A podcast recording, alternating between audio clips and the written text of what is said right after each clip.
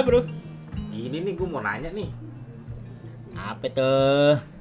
Anak gue nanya tuh. Ah, Kenapa sih masuk kamar mandi harus kaki kiri? Iya, kalau kepala dulu jungkir balik anak lo. Ah, iya. bercanda. Serius nih, gue bingung jawabnya. Lo bingung apalagi gue. Nah, dateng Ah. nih. Iya nih, ah, Nih. Iya iya. anak anak nanya nih. Kenapa sih masuk kamar mandi harus kaki kiri?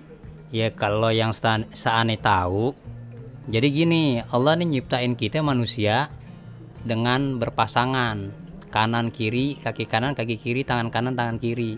Nah Allah punya standarisasi bahwa setiap yang kanan itu adalah simbol kebaikan, yang kiri itu adalah simbol keburukan. Nah tetapi karena memang kamar mandi adalah tempat buang hadas, maka disimbolkanlah dengan kaki sebelah kiri. Jadi untuk masuk ke dalam kita mendah- lebih mendahulukan kaki kiri. Oh. Adabnya apa aja emang bro? Ya adabnya kalau bicara kita masuk ke kamar mandi itu ada lima. Satu masuk dengan kaki kiri, Bang Anton. Oh, gitu. yang kedua kalau bisa ketika kita buang hajat di kamar mandi itu jangan menghadap kiblat. Oke.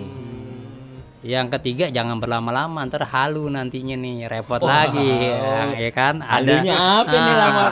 Bikin ente. curiga orang tua Nah, emang. karena yang nanya anak kecil udah nggak usah dipanjang lebarin deh Iya, maaf maaf. yang keempat tidak bersuara atau diem aja jangan nyanyi nyanyi makanya dilarang tuh nyanyi nyanyi dari kamar mandi Halo halo Bandung Iya, nggak boleh. boleh. Halo, halo Bandung. bingung nyari mic-nya di mana ntar nah yang kelima tuh kalau bersucinya otomatis pakai tangan kiri juga. Jadi masuk kaki kiri bersucinya pakai tangan kiri. Oh, nah sebenarnya ada tambahan. Keluar pun setelah kita bersuci udah beres nah kita dianggap udah suci nih udah bersih lagi. Nah maka disimbolkan ketika kita keluar dengan dari kamar mandi itu dengan melangkah dengan kaki kanan berbeda dengan yang tadi masuk. Oh, Nah, gitu. nah, dan juga ditutup dengan doa keluar dari kamar mandi. Oke. Oke, makasih, Makasih. Bro. Sama-sama. Makasih Bang Anton.